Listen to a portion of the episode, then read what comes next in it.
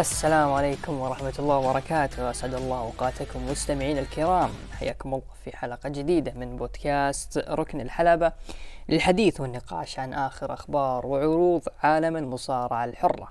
حلقة الأسبوع 147 بالتعاون مع محتوايز محدثكم أبو عوف ومن الإخراج آه، عمر.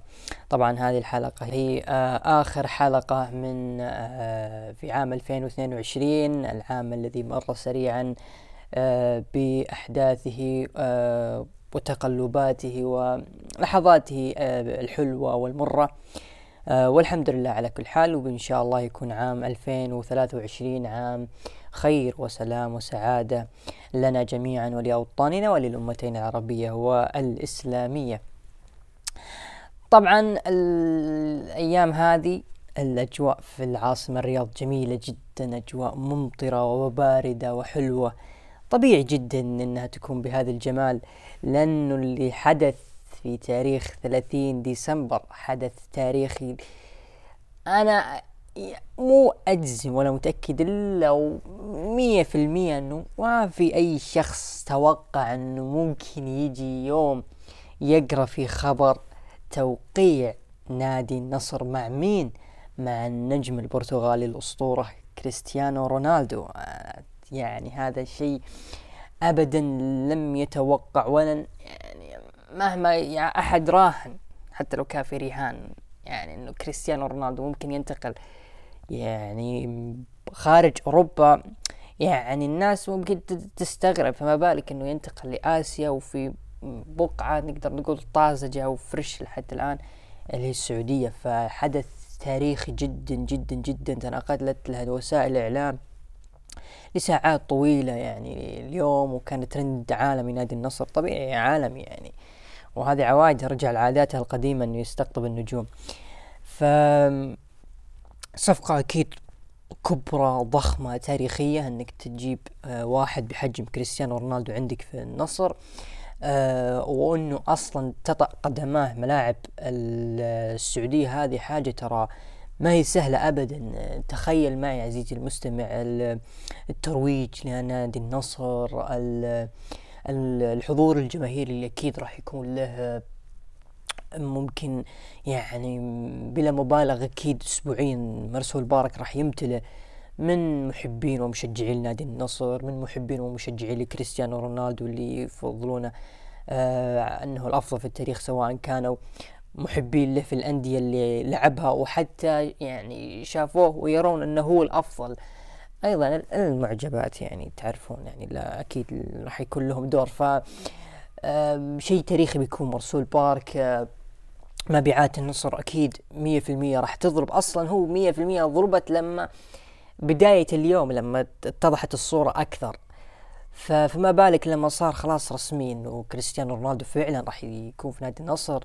أيضا نادي النصر راح يكون نادي معروف عالميا نادي يلعب فيه كريستيانو رونالدو راح يكون فيه ترويج رياضي كبير وسياحي و آه يعني كريستيانو راح يكون شيء كبير بالنسبة للرياضة السعودية. ممكن إن شاء الله مع القادم في مستقبل الأيام القادمة إن شاء الله لما تتضح مشاريع كبيرة للرياضة السعودية. من أكيد من أهمها مشروع القدية ودعم الأندية. آه، أكيد راح يكون يعني فيه نجوم إن شاء الله مستقبلا كبار يحضرون. الله يستر يكون ميسي. والله إذا جاء كريستيانو للنصر الله يستر. ميسي يجي الهلال لا تكفون ما نبيها والله. لكن أكيد كريستيانو راح يكون شيء كبير في الرياضة السعودية مثل مثل آه، ريفيلينو لما جاء مثل مثل مارادونا مثل مثل آه، ادميلسون لما جاء النصر. فحاجة تاريخية صراحة للكرة السعودية. أيضا أكيد يعني جزء كبير من آه، صفقة كريستيانو رونالدو أنه أكيد راح يكون سفير للملف السعودي آه، في آه، ملف استضافة كأس العالم 2030 بالتعاون مع مصر واليونان. ف والله شيء كبير صراحة شيء شيء كبير يعني. أنا والله أنا إن شاء الله حاط في بالي متى ما أتيحت الفرصة أكيد مرسول بارك راح اكون هناك بإذن واحد أحد إن شاء الله. ف يعني صفقة تاريخية إنه كريستيانو رونالدو يجي النصر صراحة ما توقعت والله والله ما توقعت يعني كمشجع النادي النصر. يعني شيء جميل والله شيء جميل صراحة. طبعا تكلمنا يعني وقت إعلان آه، النصر إنه انتقل له كريستيانو رونالدو. طبعا تكلمت أنا في سبيس مع حميد. تحية له من هذا المنبر عن تحولات في مسيرة كريستيانو. وتكلمنا إنه كنهاية هل هي مرضية للأسطورة بحجمه؟ يعني مو شرط تكون نهايات سعيدة في مسيرات النجوم لكن المهم ماذا قدم النجم بعد الاعتزال؟ هذا اللي الناس راح تتكلم فيه. ما راح تتكلم عن إيش كانت نهايته يعني كثير من النجوم كانت نهايتهم تعيسة لكنهم في النهاية لا زال مقدرين في نجوم كرة القدم. طبعا أكيد وبكل نقا يعني بكل تحديد أكيد إنه دام إنه كريستيانو راح للنصر فهذا لا يعني إنه ليونيل ميسي هو المعشوقي رقم واحد وأفضل لاعب في التاريخ أنا أراه وختم كل شيء ختم المقارنة بينه وبين كريستيانو. لكن مشاعر محلية نقدر نقول إنه كريستيانو انتقل للنصر لكن هذا لن يغير إنه ميسي اللي تبقى له هدفين ويكون هو الهداف التاريخي للدوريات الخمس الكبرى وإنه يكون له آه، تبقى له 11 هدف ويتعادل ويعادل الرقم التاريخي كهداف لدوري أبطال أوروبا بالتزامن مع كريستيانو رونالدو الذي أضحى لاعب نادي النصر السعودي. فبالتوفيق لكريستيانو رونالدو مع العالمي وإن شاء الله ترى هذه الصفقة التاريخية ثمارها إن شاء الله. طبعا بجانب الخبر اللي كان سعيد جدا أكيد في خبر محزن جدا لنا كعشاق للكرة. آه رحيل نجم بحجم آه أسطورة ثقيلة جدا في عالم كرة القدم. آه الأسطورة البرازيلية بيليه الذي توفى يوم الخميس الماضي. نعم كان يوم توفى يوم الخميس ف يوم الخميس أو يوم الأربعاء لكن فعلا حالة حزينة جدا لعالم كرة القدم لأنه يعني بيليه يمثل شيء كبير جدا جدا لكرة القدم. بيليه النجم الطفل الذي شاهد أباه يبكي بحرقة لما خسرت البرازيل آه، مونديال 1950 ووعد والده أنه راح يجيب له كأس العالم. ففي عمر 17 سنة حقق كأس العالم كأصغر لاعب يعني تاريخ حقق لقب كأس العالم وأيضا كان له مساهمات كبيرة في كأس العالم. أعتقد ثمانية وخمسين نعم ثمانية وخمسين واحد واثنين وستين هي سيطرة البرازيل. فالنجم اللي زي ما قلنا كان صغير وشاهد أباه يبكي بحرقة يعني أصبح هو ولا يزال أكثر لاعب تحقيقا لكأس العالم بمعدل ثلاث ألقاب. هذا الرقم ليومكم هذا لم يكسر بعد. آه أيضا تاريخ بيليه تاريخ آه يعني يراه المؤرخون وال يعني المهتمين في تاريخ كرة القدم إنه هو نقطة التحول الثاني في تاريخ كرة القدم. وأنا معهم صراحة يعني الفترة هذه كأس العالم في عام 1930 وأيضا ظهور بيليه وبروزة.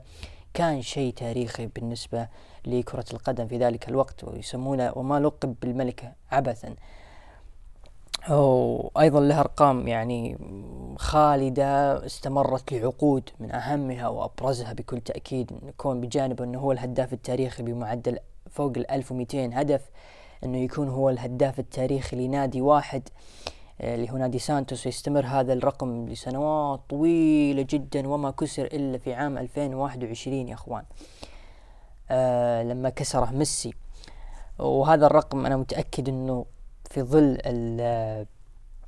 اللهم صل على محمد في ظل العصر إنه الأندية تكون مغرية كثير للاعب الإغراءات المالية والرأسمالية والإعلام.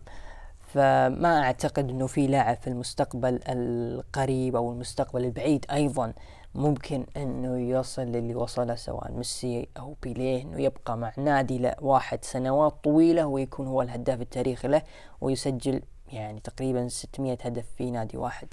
فهذا رقم صعب جدا إنه يكسر بصراحة صعب صعب جدا. وقد يكون أشبه بالمستحيل. والرقم الثاني اللي هو تحقيقه لكأس العالم ثلاث مرات ف أعتقد إنه زي ما إحنا عارفين إنه أقرب نجم له راح يكون إمبابي. آه، إذا استمرت مثلا لو نقول فرنسا لثلاث أو نسختين قادمة من كأس العالم يكون هو مبابي بطلها ستة وعشرين وثلاثين ف ويكسر رقم بيليه إنه يحقق ثلاث كؤوس عالم في الذكرى المئوية لكأس العالم راح يكون شيء ضخم وشيء كبير. لكن ما ودنا ننجم لكن نشوف إن شاء الله إذا كان مبابي حافظ على عقله وحافظ على موهبته أكيد راح يصل إلى أرقام تاريخية مو بس ثلاث ألقاب كأس العالم أكيد راح يكون في أرقام تاريخية راح يكسرها الامباب فشكر كبير للأسطورة بيليه. وبس يعني نجم كبير والله صراحة حزنك عليه صراحة لما تلقينا خبر رغم إنه عارفين إنه خلاص لما شفنا الصور الأخيرة لكن ولو يعني نجم كبير. وتاريخه يظل بيلي. آه هذا كل ما يخص عالم كرة القدم واللي عود عادت لها الدوريات. آه فننتقل الآن مباشرة لعالم الحلبة عالم ال pro wrestling. بداية بالأخبار الخبر الأول يقول لك النجم دراجون لي وقع مع الدبليو دبليو قبل أسبوعين وقد فضل الذهاب إليهم على التوقيع مع AEW طبعا دراجون لي أعلن توقيعه وانضمامه للدبليو دبليو في عرض آه، في المكسيك. طبعا صفقة والله صفقة معلم صراحة. دراجون لي أنا شفت له بعض المباريات وراح آه، آه، زي ما تقول أكمل في بحثي عن دراجون لي لكن من خلال هذه السنة اللي شفته له النجم عنده potential عنده شيء قادر يقدمه في الدبليو دبليو في ظل أنه عاد الاهتمام ل NXT وفي نجوم جالسين يتطورون في الوقت الحالي آه سواء على الحلبة أو كشخصيات نتحدث عن جريسون وولر نتحدث عن آكسيوم نتحدث عن آه استمرار كارميلو هايز للتوهج. فدراجون لي الآن في بيئة مناسبة جدا أنه يستطيع أنه يبرز نفسه في قادر يطور من نفسه أكيد على الحلبة وإن شاء الله يقدم مباريات جميلة في NXT. وإن شاء الله إنه النجم يعني نتمنى نتمنى إنه ما يتعامل مثله مثل ال Mexicans اللي جو للدبليو دبليو بسبب زي ما إحنا عارفين هاجس اللغة دبليو دبليو ما تتعامل كثير مع وما تهتم للأداء وبالذات النجوم ال cruiserweight هذولي. لكن إن شاء الله إنه يقدم يعني أنا أحس إنه النجم قادر قادر إنه يقدم شيء على الأقل في NXT يعني مع اكسيوم والله بتكون مباريات جميلة مع اكسيوم تشارلي ديمسي والله NXT بإذن الله بإذن الله راح يكون له شأن كبير في عام 2023 بإذن الله بإذن واحد أحد. فتوقيع ممتاز جدا من دراجون آه من دراجون لي للدبليو دبليو وخطوة ممتازة لتربل اتش آه وأعتقد إنه قد يكون قد يكون هو من أفضل النجوم اللي وقع معهم تربل اتش إلى الحد الآن نقدر نقول في نهاية 22 نعم نعم هو من تقريبا من أفضل النجوم اللي جو للدبليو دبليو من خارج الدبليو دبليو تقريبا من أفضل الصفقات. الخبر اللي بعده يقول لك سيث freakin' رولنز يحصل على المرتبة الأولى كأفضل مصارع في العالم في عام 2022 بتصنيف Sports Illustrated يليه جون موكسلي ثم بيانكا بيلير ثم رومان رينز. والله هي الوضاعة. بيانكا بيلير أفضل من رومان رينز اللي عنده لقبين دبليو دبليو ومسيطر تماما. هذه دايم دايم طبعا أكيد شيء طبيعي إنه سيث رولنز هو يكون فعلا وأنا أتفق مع هذه الصحيفة إنه هو فعلا رقم واحد في هذه السنة سيث رولنز تخيل يا عزيزي المستمع آه، اللي, اللي تابعت عروض الدبليو دبليو بشكل كبير هذه السنة. تخيل معي لو كان سيث رولنز مو موجود. ابدا ما كان موجود في عروض الدبليو دبليو كيف راح تكون عروض الدبليو دبليو كيف راح يكون مستوى المحتوى؟ كيف راح تكون المشاهدات مستوى القصص؟ سيث رولنز فعلا هو الجوهرة المشعة في ظلام دبليو دبليو إي هو سيث رولنز من الرامبل لما كان يلعب بعقل رومان رينز لما استطاع إنه يخلق يعطي over تاريخي لنجم يعتبر من أكثر النجوم كرها. بسبب سلوكه في الحلبة وسلوكه وهياطه في خارج الحلبة نتحدث عن كودي رودز وكيف إنه في لحظات بسيطة ثلاث نص ساعة فقط أصبح كودي رودز نجم جماهيري والناس تتطلع إنه يكون منافس رومان رينز وبتعطيه آه قصص مع مصارعين كبار آه ومستوى العداوة مع آه ريدل وختامتها مع مع أوستن ثيري ولقب الولايات. يعني يكفيك يكفيك عزيزي المستمع استقبال جمهور بريطانيا جمهور آه، ويلز له في عرض Clash at the Castle. استحالة استحالة أنسى هذاك الاستقبال وكيف تفاعل الجمهور.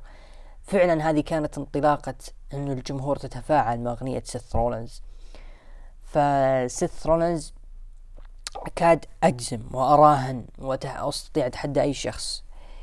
إنه فيه مصارع قادر يقدم قصص والأدوات والعداوات والأسلوب القصص اللي سواه سيث رولنز. أتحدى. أعطوني اسم واحد وراح أفكر هل هو قادر ولا لا. ما أعتقد. ما أعتقد في نجم. يعني سيناريوهاته الثانوية بروموهاته نفس المستوى نفس الشخصية لكن الناس مستمتعة. ففعلا سيث رولنز جوهرة مشعة في ظلام ال WWE. يستحق سيث رولنز سيث رولنز يستحق إنه يكون هو النجم رقم واحد في ال WW وممكن يكون هو من نجوم السنة أكيد. سيث freakin رولنز وما مقابلة سيث رولنز مع أرييل هلواني في بعد Clash at the Castle إلا كدليل إنه سيث رولنز شيء ما هو سهل في ال WWE. الخبر الأخير يقول احتمالية مشاركة ستون كولد ستيف أوستن في رسلمانيا 39 أعلى من ذا روك وجون سينا. طبعا ستون كولد بعد آه، عودته في رسلمانيا 38 في دالاس تكساس ظهر في الليلتين الليلة الأولى مع آه، كان main event مع كيفن أونز والليلة الثانية ظهر وأعطى stunner هزيل مع فينس مكمان فستيف أوستن من بعد هذيك الليلة وهو جالس يجهز نفسه ويطور نفسه ويهتم من ناحية الجسد من ناحية اللياقة وكثرة مقاطع في هذه الأيام بالتزامن مع بداية موسم الرسلمانيا. فأبرز القصص اللي متاحة على الطاولة لستيف أوستن آه، من نفس المصدر هو دبليو إن يعني رموها اللي هي مباراته مع جون سينا. كون انه جون سينا WW راح تعطي له آمال كبيرة وراح تعتمد عليه كنجم واسطوره للجيل السابق آه، يحاول يبرز نجوم الجيل الحالي يعني كنجم كبير في ظل غياب راندي أورتن الحالي ففعلا الساحة خالية تماما من نجوم كبار نجوم يعني يكونوا لهم ثقل في عروض ال WW فهمتم؟ آه أيضا ناس قالت إنه جون سينا راح يكون يتحول بالشخصية المبرو... المكروهة بغيت أقول المبروكة المكروهة. فبس لو تيجي تجمع الفكرتين يعني عودة ستون كولد ستيف أوستن آه أكيد هو مباراته مع جون سينا أكيد راح تكون مباراة مرتقبة ومباراة كبيرة كأهم نجمين مرة في ال WW كشعبية طاغية.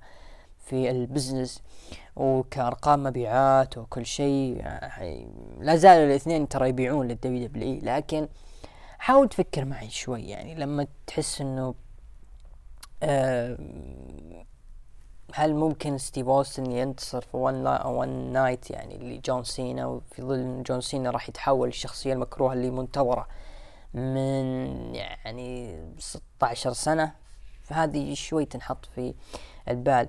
أيضا هذا بالنسبة لي ممكن تكون أبرز. يعني قعدت أحاول احاول أشوف لي سيناريو ممتاز إنه كيف ممكن تطلع بستون كولد وجون سينا بشكل ممتاز. هم قادرين إنهم يطلعون شكل ممتاز ومرتقب في ظل إنه الاثنين أصلا already ما يحضرون كثير في عروض ال WW لكن ممكن تكون البداية والشرارة الأولى راح تتضح كثير في عرض الاحتفالية بمناسبة مرور عرض Raw 30 سنة أعتقد في 23 يناير الله أعلم.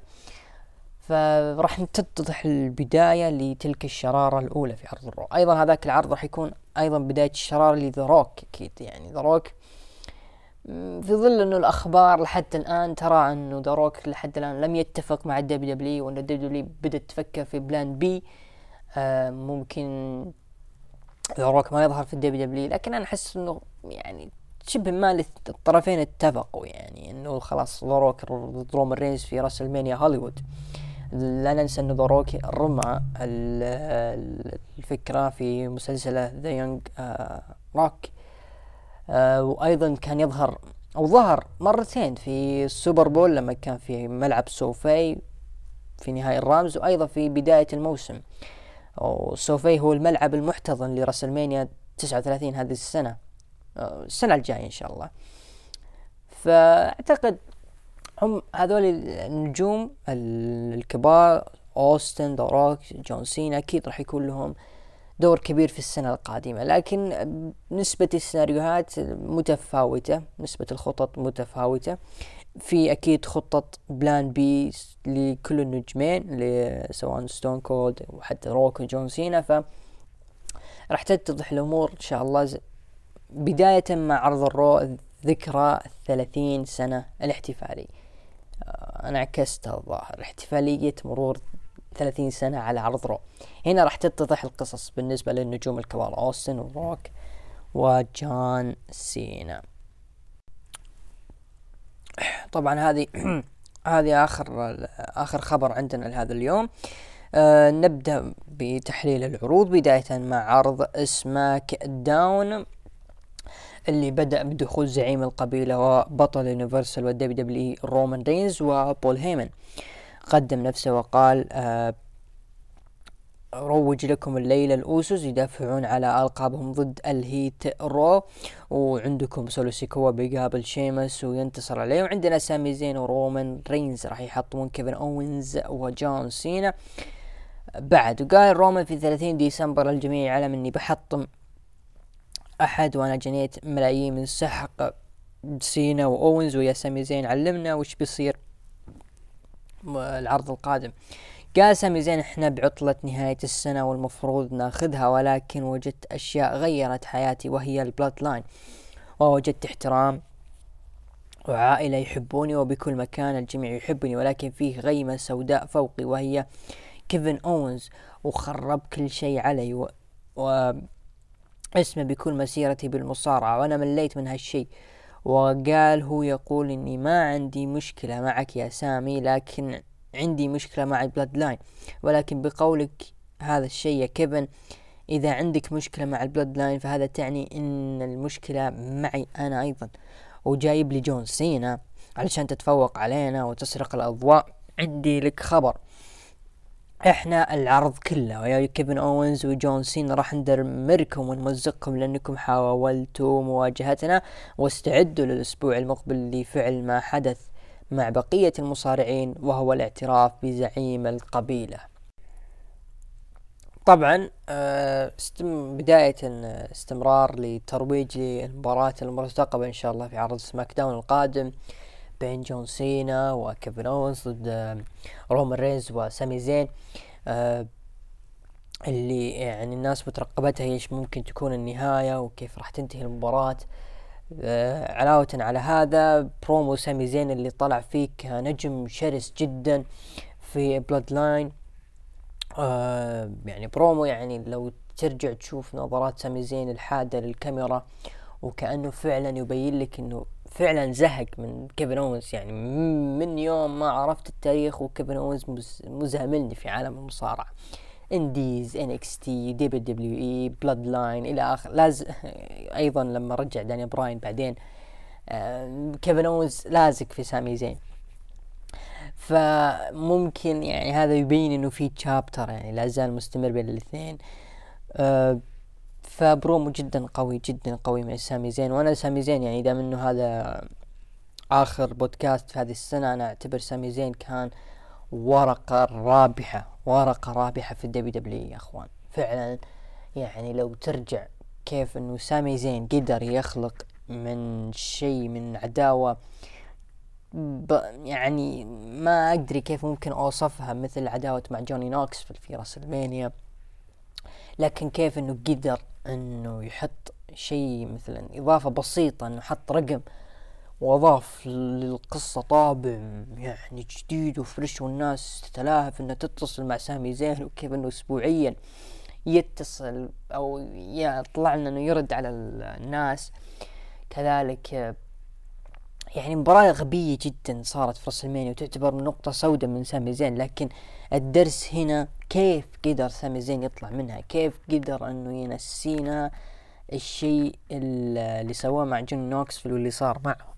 في راسلمانيا في راسلمانيا يا إخوان أن ينضم للبلود لاين والناس عارفة إيش ممكن تكون نهايته مع البلود لاين لكن بالنهاية يعني أضاف يعني مصطلح راح يذكره جمهور ال WW مستمرار اللي هو سامي أوسي وكيف قدر إنه يسبب بلبلة وشيء جديد للبلود لاين اللي سيطروا على عروض ال WW وفعلا ما قدروا يقدمون شيء لافت من بعد سيطرتهم على العروض إلا وجود سامي زين معهم. في الأشياء اللي كان يقدمها سامي زين كان مبدع جدا جدا في القصص اللي تطلع منها لدرجة إنه الثناء البلود لاين نفسهم كسروا الشخصية معه. ما قدروا عليه. فسامي زين فعلا كان ورقة رابحة في عروض ال WW أيضا سامي زين إيش ممكن بيكون لو سامي زين ما كان موجود في عروض ال WW بجانب سيث رولز كقصص.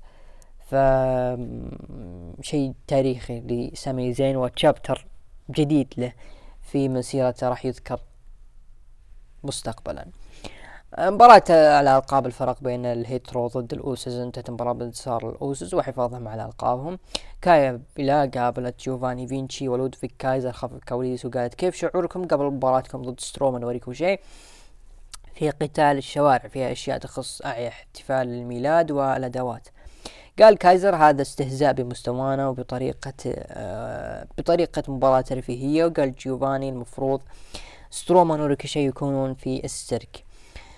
آه بعدها آه بدأت مباراة ال gauntlet match آه والفائزة راح تاخذ فرصة ضد روندا روزي. المباراة بدأت بإيما ضد زايا طبعا قبل بداية المباراة وأثناء دخول زايا شفنا آه الفيديو اللي صار الأسبوع الماضي من هجوم آه شخص مجهول على اعتقد ليف مورغان وتسبب في خسارته هي وتيجن نوكس على القاب النساء. اتضح بعدين إنه زايا لي هي كانت وراء هذا الهجوم. فكان شيء شيء مستغرب صراحة إنه أعتقد ممكن يكون شيء آخر لزايا لي في عروض دبليو دبليو مستقبلا إنها لما تظهر تظهر بشكل غامض بشكل مفاجئ الجمهور ما يتوقعونه ف ممكن ممكن تكون وراه قصة يعني نتحدث عن مع اما تيجن نوكس أو ليف مورجان المهم نرجع لمباراة ال gauntlet المباراة بدأت بزايالي ضد إيما انتهت بالمباراة بفوز زايالي وبعدها لعبت ضد تيجن نوكس وأيضا فازت عليها. والخصمة اللي بعدها كانت راكيل آه رودريغز المباراة بفوز راكيل رودريغز وبعدها لعبت مع ليف مورغان وانتصرت عليها وختاما لعبت مع سونيا ديفل أيضا وانتصرت عليها. بعد نهاية المباراة دقت موسيقى روندا روزي بطلة نساء سماك داون وقالت أنت ما فزت بشيء حتى الآن وبقي خصم لك. دقت موسيقى شينا بيزلر. لكن راكيل استطاعت تثبيت تثبيت سريع إنها تنتصر على شينا بيزلر وتكون هي خصمة روندا روزي الأسبوع القادم. طبعا مباراة آه، ما تحسنت ولا كان لها آه، ظهور لافت إلا بعد آه، ما دخلت ليف مورغان قدموا الثنتين أداء كويس ضد سونيا ديفل ما قدمت شيء. الاستمرار أكيد إنه بناء راكيل رودريغز كنجمة قادمة وبقوة في roster نساء سماك داون أو حتى نساء دبليو بشكل عام. وقد يكون لها هذا chapter جديد مع روندا روزي. لكن المشكلة في نهاية المباراة اللي هي شينا بيزلر. يعني شينا بيزلر أعتقد خلاص ما أعتقد في شيء ممكن يكون لافت لشينا بيزلر ممكن تسويه خلاص. يعني دبليو دبليو قدمتها بشكل ضعيف مستويات ضعيفة جدا إنه لما تلعب مع راكيل رودريغز اللي متعرض للإصابة وتوك توك ضربتها شينا بيزلر في آه، مكان الإصابة اللي هو الذراع ومع ذلك تخسرين بتثبيت سريع.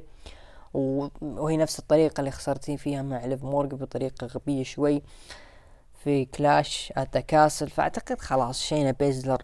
ما أعتقد راح يكون لها شيء لافت. ما أعتقد. أنا بالنسبة لي ما راح أنتظر منها أي شيء. ما راح أنتظر من النجمة هذه أي شيء ممكن تقدمه. خلاص يعني كان لهم فرصة إنه ممكن يكون لها تدخل مع روندا روزي أكثر من فرصة وتبدأ عداوتهم لكن أعتقد. خلاص شينا بيزلر انتهت في الدبليو دبليو الحدث اللي بعده دقت موسيقى بري وايت ودخل إلى حلبة قال أنا هنا وجاد وهو السير للحلبة. والتحدث معكم هو شعور جامح وصعب اعتاد بصراحة لكن الجميع يتحمس يشوفني وأنا أشوف نفسي هكذا وقال العناية يدين باعتذار لي ما حد يصغي لي وهو ما صدقني ولا أنتم حتى. وبصراحة توقعت أنه أنا العم هاودي والحقيقة أنا مو العم هاودي ولم أكن كذلك حينما أفكر فيما بعد. وبدأ يتأتأ وقال نسيت وش أقول آسف وفجأة رمى المايك ونزل للأرض يفكر وفجأة هاجم المصور وحاول المسؤولين إبعاده. استمرار للأشياء الغامضة اللي يسويها بري وايت. أعتقد خلاص تقريبا هذا هو راح يكون نهج بري وايت في البروموهات. نجم غامض نجم ناقص عقل هي أستغفر الله. قلص عليه قلصح. أه ما تتوقع منه أي شيء يسويه هذا الرجل لدرجة إنه يوهم لك إنه نسى المايك أو نسى النص اللي ممكن يقوله فإيش ممكن يعوض فيه؟ هجوم على المصور ممكن المستقبل نشوف إنه يكون فيه هجوم على مسؤولين مش هجوم على أشخاص آخرين ممكن تكبر فيه القصة. فخلاص يكون هذا هو نهج بري وايت شخص معتوه عقليا ما تدري إيش ممكن يسوي لك ما تدري إيش ممكن يطلع منه. فيبقى هذا هو بري وايت. وراح تستمر القصة إن شاء الله بهذه الطريقة. انخل غارزا ضد ري آه، ميستيريو أثناء المباراة شفنا تواجد لسكارلت وكارين كروس. في المدرجات انتهت المباراة بانتصار ري ميستيريو ريكوشي وسترومان يتواعدوا الإمبيريوم خلف الكواليس. أيما قابلت سكارلت وكارين كروس وقالت أنتم تقللون من الأسطورة ري ميستيريو كلامكم عن ريدريك بالمغفل. وقالت سكارلت أنا ناديته بالأحمق وإيما ضربت سكارلت كف لكن كروس قال هذا من سكارلت وقالت يا إيما ما عندك أي فكرة باللي سويتيه تو. أعتقد ممكن سكارلت تبدأ طريقة تشق طريقها كمصارع من هذه الحلبة وما أعتقد إنه سكارلت يعني. أنا ما شفت لها شيء صراحة ما شفت لها أي شيء كمباريات لكن ما أحس إنه البنت آه، قادرة تقدم شيء. أحس إنه لو يتعاملون معك بجانب Kross أفضل لها من إنها ترجع تكون مصارعة. مثلها مثل آه، زينينا فيجا. زينينا فيجا كانوا الناس خاقين عليها ومتشققين ولما صارعت ما, ما قدمت أي شيء والآن شوف رجعت مديرة أعمال. فما يحتاج سكارلت تعيدين تلفين الدائرة هذا اللي سوتها آه، زينينا فيجا. المباراة اللي بعدها ال main event مباراة قتال شوارع. بأسلحة باحتفال عيد الميلاد برون سترومان ريكوشيت ضد الإمبيريوم وأثناء المباراة شفنا النيو داي واحد المصارع أو أحد المصارعات وانتهت المباراة بانتصار فريق سترومان وريكوشيت مشاهدات العرض بلغت مليونين وأربعمية ألف مشاهد. الإمبيريوم. على السيناريوهات هذه والمباريات وتكرار خسائر الإمبيريوم لعلهم راح يكونون أيضا فريق آخر يتم تهميشه وتدميره في الدبليو دبليو علشان خاطر الأوسوس ما يكون في فريق ياكل الأخضر واليابس. يعني اللحظات اللي صارت في المباراة يعني حرام عليكم الدبليو دبليو المفروض بجانب اهتمامكم لوولتر أو جنثر كبطل القارات وإنه جالس يقدم و... والناس مهتمة فيه المفروض الإمبيريوم كايزر وفينشي ما يقل اهتمامهم عن جانثر لأنه هذول بجانب بطل القارات. والنجمين أصلا آه، تدخلهم قليل تدخلاتهم في المباريات قليل عكس الأوسوس فالمفروض تهتم بهذا الفريق. لكن ما في أي اهتمام من الدبليو دبليو كان للفريق بجانب تطبيلهم لجنثر وأدائهم في المباريات. بسيط جدا ما دخلوا في الثقيل ما دخلوا وأخذوا فرص مع الأوسوس فحرام فريق مثل هذا تضيعوا يا دبليو حرام. لذلك أنا لازلت أراهن إنه ال DIY هم الفريق اللي ممكن ينهي الاوسوس فريق غير متوقع ممكن ينهي هو الاوسوس لكن الامبيريوم حرام صراحة إنهم يخسرون. آه هذه نهاية العرض. نروح لتقييم المستمعين. أعطوا من تسعة لعشرة ثمانية في المية هم من خمسة لثمانية أربعة وخمسين في المية وأقل من خمسة أعطوا ثمانية وثلاثين في المية. نرى أنه عرض يعني عادي تقريبا خمسة إلى أربعة ونص من عشرة. كان هذا عرض سماك داون هذا الأسبوع. طبعا هذه السنة ما كان أو هذا الأسبوع مو بهذه السنة.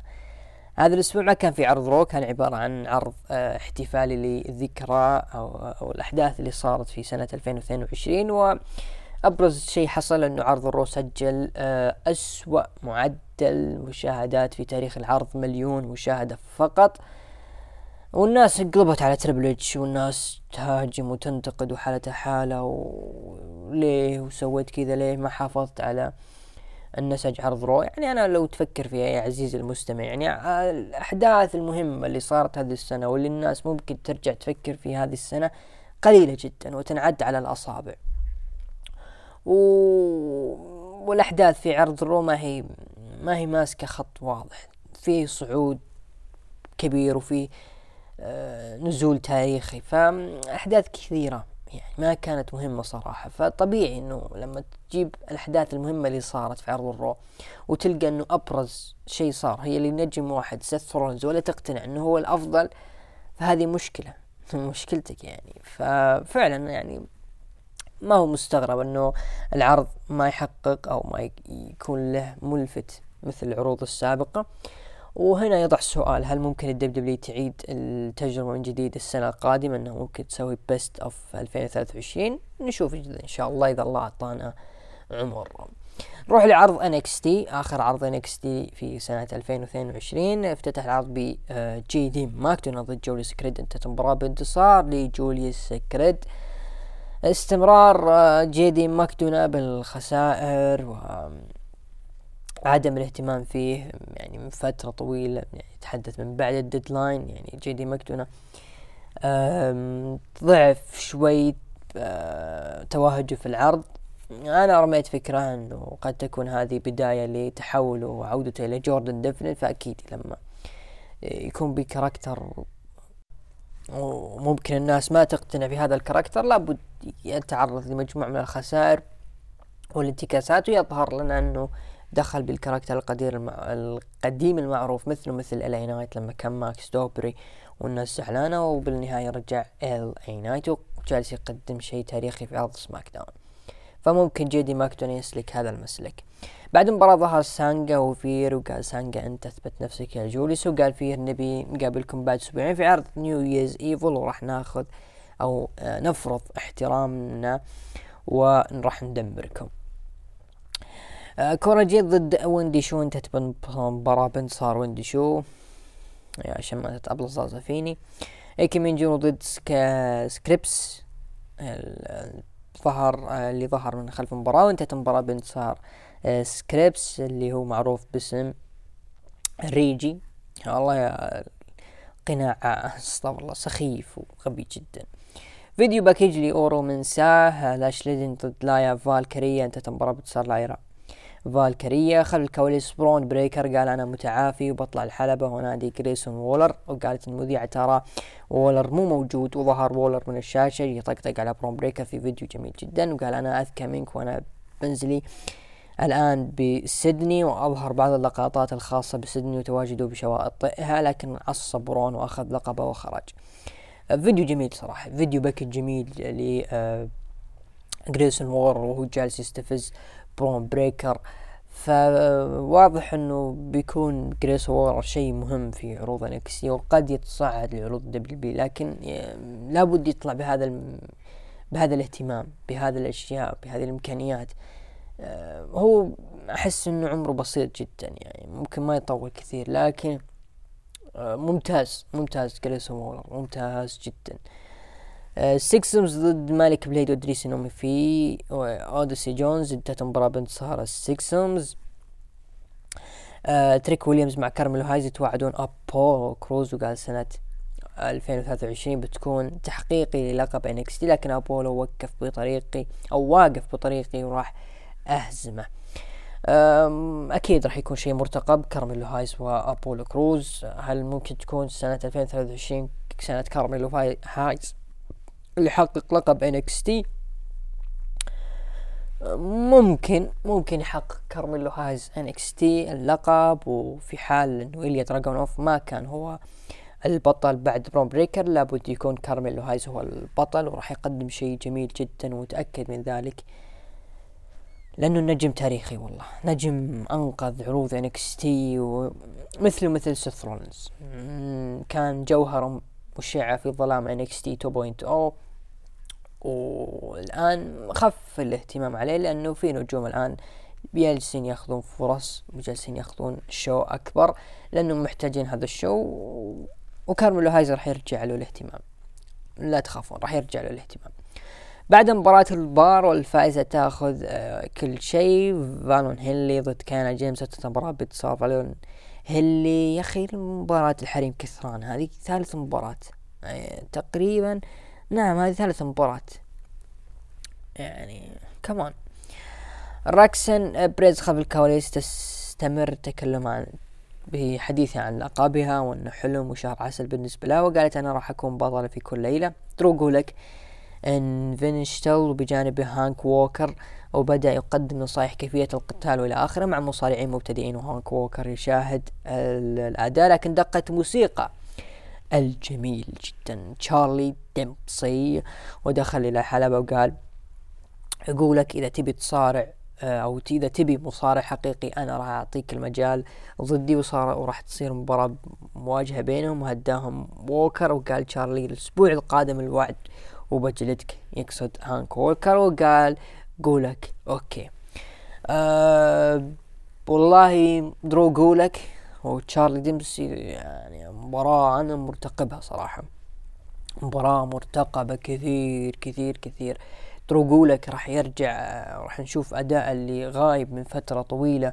أداءه كان جدا ضعيف وأصلا هذه السنة ما كان له أي شيء. يعني له سنتين النجم غائب تماما عن الصورة. وآخر شيء قدمه يذكر كان مع براين في عرض Elimination Chamber فلما تجيبه الآن مع نجم له potential عالي جدا وأداء تاريخي الحديث عن تشارلي ديمسي technical ممتع. فأكيد راح تكون مباراة اللي بينهم مرتقبة تك ك technical وأكيد المستمع والمشاهد راح يستمتع بشيء كلاسيكي بحت بين الاثنين.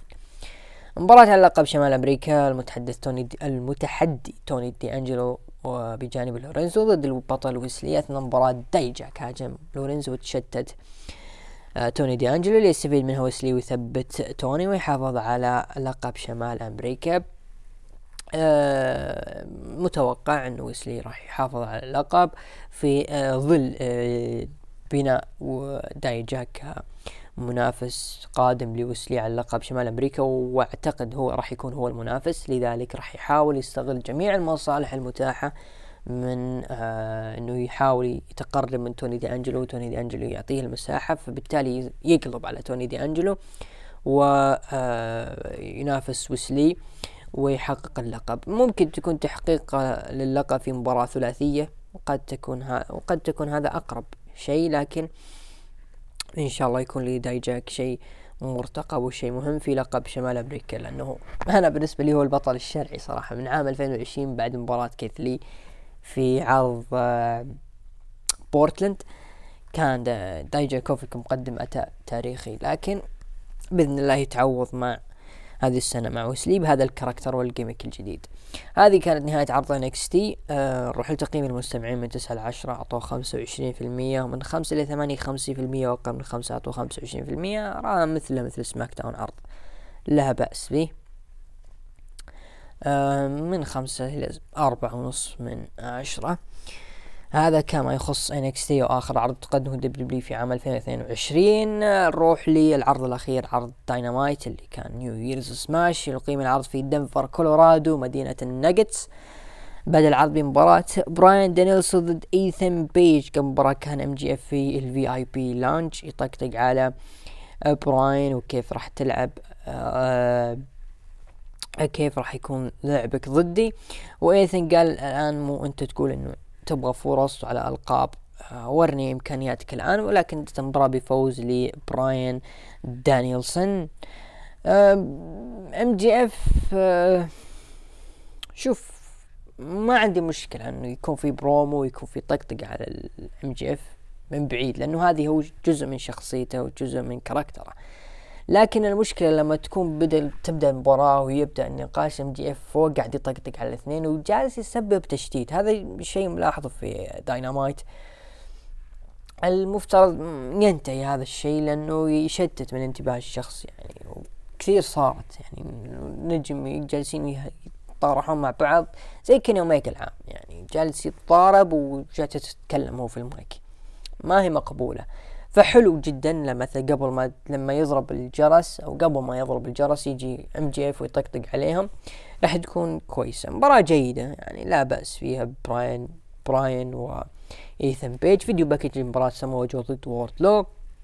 مباراة فرق بين جون موكسلي وكلاوديو كاستنيولي ضد Top Flight فازوا فيها جون موكسلي وكلاوديو كاستنيولي مباراة جدا جميلة.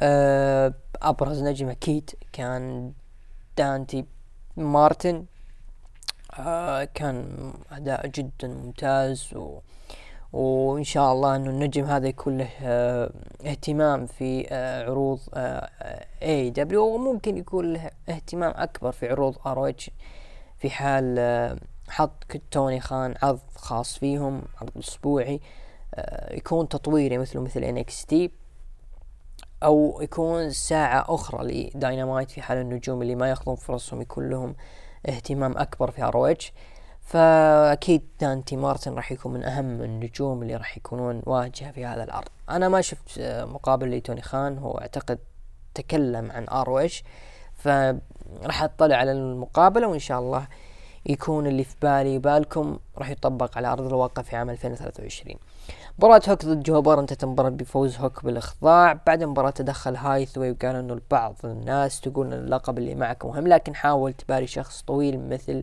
دبليو موريسي. دخل لكن دقت موسيقى جنجل بوي آه وهاجم لي موريسي وموريسي جاب يضرب هوك لكن دخل جنجل بوي وفزع لي هوك. يا أخي جنجل بوي والله يا بغى يروح فيها. ما أدري إنت انتبهتوا ولا لا إنه في أحد الألعاب النارية كان قريب من وجه جنجل بوي. وهذه خطر عليك يا جنجل بوي إنه بغض النظر هل أنت تحب النجم ولا تكرهه بال booking اللي قاعد يقدمه لكن فيه اهتمام ل AEW النجم. فيب لا تتكرر هذه المشكلة ويروح فيها جنجل بوي. أعتقد كلنا نتمنى هذا الشيء لكن ما ودنا يعني يكون في شيء إنساني على الأقل.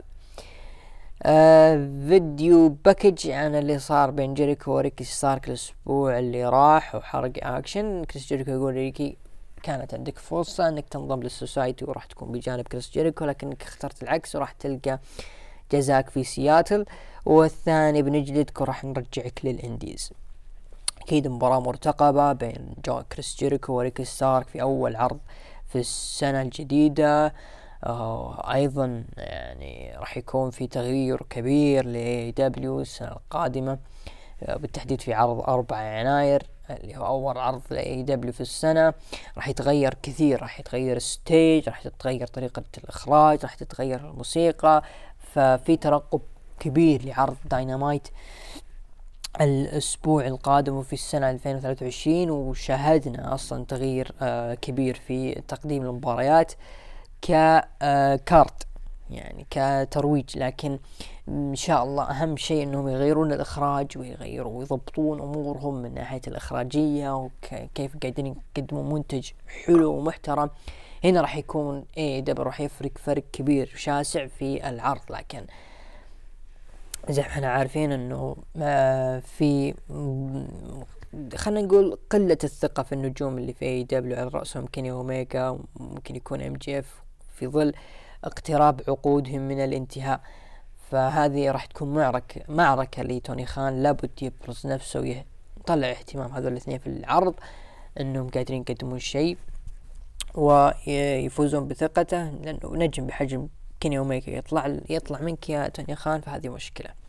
لكن كالعادة مثل ما سوينا هذه السنة راح نسوي السنة الجاية إنه نتفاعل ب AEW مباراة العد بأي مكان falls count anywhere المباراة السادسة بين ال Elite ضد ال Death Triangle طبعا ما تكلمت إنه كريس جيريكو ريكي ستارك أكيد راح تكون مباراة مرتقبة ومهمة و... وأول قصة لريكي ستارك بعد خسارة اللقب FT ال F دب FTW تكون مع نجم كبير بحجم كريس جيريكو هذه بحد ذاتها فرصة تاريخية لريكي ستارك ما راح تتكرر لابد يطلع أبرز ما عنده وأهم كل إمكانياته مع كريس جيريكو. نرجع للمباراة ال falls count anywhere بين ال Elite ضد ال Death Triangle بعد كان يحاول يخضع مات لكن آه كيني اوميجا سوى ال angel One-Winged Angel ال finish حقه على ري فينيكس في الجمهور وثبته وفازوا ال Elite. وتصير النتيجة ثلاث انتصارات لكل فريق. ومباراة الحاسمة راح تكون على الألقاب الفرق الثلاثية. آه، مباراة حلوة صراحة يعني. رغم إنه فيها حوسة مباراة ال falls count anywhere دائما يكون فيها حوسة شوي بالذات إذا كان عندك نجوم كثر. لكن كانت مباراة جيدة ممكن تكون من المباريات الحلوة اللي قدموها. وكان في قصة لو نرجع آه، قصة آه، إصابة أعتقد نيك في رجله. آه ومات يعني كون إنه هو الاخ الأكبر من نيك وجالس يحاول إنه ما يستسلم مع باك ولكن بالنهاية من اللي فاز هم فازهم المنقذ كيني اوميجا فمباراة راح تكون حلوة إن شاء الله المباراة الحاسمة وغالبا راح يفوزون ال Elite على ال Death Triangle وراح تتضح معالم هل كيني اوميجا راح يستمر ولا فعلا قرب انتهاء عقده. مع AEW فيديو لل Acclaimed جالسين يغنون مباراة أنا جاي ميلو ضد روبي سوهو ويلو نايتينجيل فازوا أنا جاي وتاي ميلو نروح للحدث الرئيسي المرتقب مباراة على اللقب TNT بين ووردلو ضد سامو جو فاز سامو جو وحافظ على اللقب.